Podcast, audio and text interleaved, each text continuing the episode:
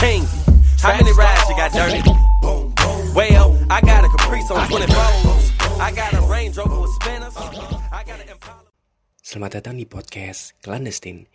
Podcast ini akan membahas perihal ideologi-ideologi dan antitesa-antitesa terhadapnya. Dan nantinya juga akan ada segmen di mana gue akan merekomendasikan bacaan yang mungkin nantinya bisa jadi bacaan yang asik untuk kalian semua. Selamat mendengarkan. Basis nih apa ya, bikin gue selalu bahagia gitu kalau ngebahas tentang dia. Fasisme sering sekali dikaitkan dengan ideologi-ideologi kontroversial seperti ekstremisme, marxisme, sosialisme atau komunisme gitu. Fasisme memang sangat sulit untuk didefinisikan atau ditaruh dalam suatu sekat-sekat pemahaman tertentu gitu ya. Fasisme menentang definisi, terus penuh kontradiksi juga dan adalah sebuah enigma menurut gua. Fasisme sendiri berawal dengan tujuan untuk merekonsiliasi kaum pekerja dengan negara dengan menciptakan semangat nasionalisme dari kaum pekerja.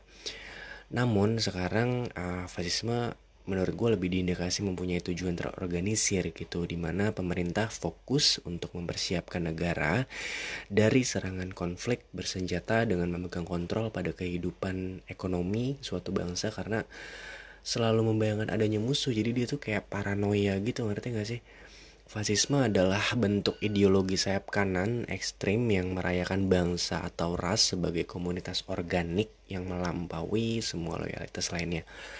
Apaan sih loyalitas organik? Nah, loyalitas organik atau komunitas organik yang dimaksud itu adalah komunitas yang dibuat karena keinginan akan mempunyai budaya spesifik dan tidak suka jika budaya tersebut terganggu gitu.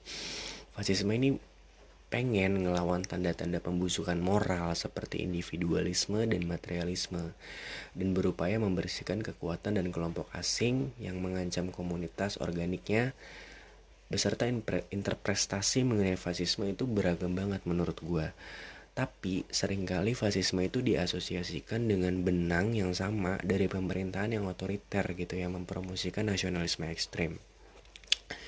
Kalau pernah baca uh, bukunya si Robert Paxton, dia seorang profesor yang dianggap sebagai bapak dari studi tentang fasisme, mendefinisikan fasisme itu sebagai bentuk praktek politik yang khas pada abad ke-20 yang membangkitkan antusiasme populer dengan teknik-teknik propaganda yang canggih untuk agenda nasionalis ekspansionis, anti liberal dan anti sosialis gitu dan eksklusif yang menggunakan kekerasan.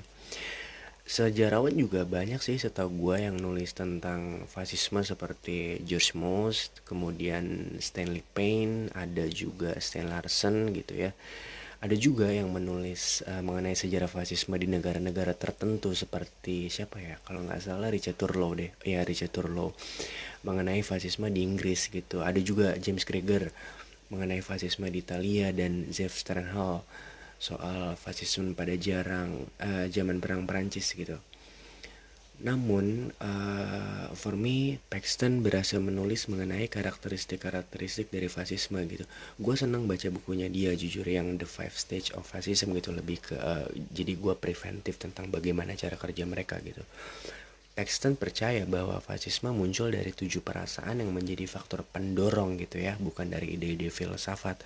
Pertama, ada keunggulan kelompok yang dipertahankan sehingga hak individu atau universal dilihat tidak lebih penting.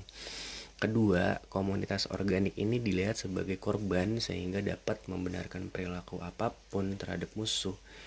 Ketiga, uh, menurut gue fasisme percaya bahwa individualisme dan liberalisme itu membahayakan komunitas mereka gitu ada persaudaraan yang kuat dari keyakinan yang sama atau dari kepercayaan mengenai kekerasan yang eksklusif digunakan jika diperlukan gitu. Harga diri individu didasari oleh identitas dan kepemilikan yang tinggi akan keagungan kelompok gitu. Adanya pemimpin alami laki-laki juga yang berperan sebagai penyelamat nasional dengan dukungan ekstrim, kemudian kekerasan dan keinginan yang dihususkan untuk keberhasilan kelompok diindahkan seperti dalam hal gagasan-gagasan tentang kelompok yang unggul dari kasus Hitler gitu soal rasisme biologis. Kemudian eh, ide-ide dari fasisme sendiri pernah muncul nih dalam elemen-elemen negara-negara tapi lebih dikenal setelah Perang Dunia Pertama dari si rezimnya Benito Mussolini di Itali sama rezimnya si Hitler di Jerman. Semua didasari dari kekecewaan terhadap pemerintah yang gak mampu nih untuk meningkatkan situasi nasional gitu. Italia kemudian mulailah menganut fasisme setelah tahun 1922.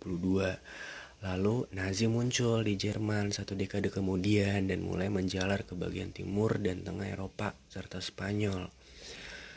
Sekitar tahun 1920 sampai 1930 uh, para pemimpin fasis tuh pengen membuat jalan tengah nih dari kaum berjuis terus kapitalisme kemudian marxisme untuk menghilangkan ruang pribadi gitu namun uh, keadaan berubah karena rezim para pemimpin tersebut didukung oleh kaum kaum berjuis sehingga walaupun pemerintah memegang kendali terhadap perdagangan, keuangan, pertanian dan manufaktur dan keputusan negara lainnya, mereka mengizinkan kaum elit untuk tetap memiliki properti dan meningkatkan kekayaan mereka.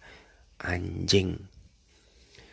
Lalu fasisme berkembang dalam elemen-elemen tertentu untuk mengikuti waktu dan tempatnya sendiri seperti di Jepang, Uni Soviet dan bahkan Amerika Serikat gitu. Contohnya di Amerika Serikat gerakan fasisme didasari sama kepercayaan teologis gitu atau agama. Setelah Perang Dunia Kedua, gerakan fasisme mulai menurun nih.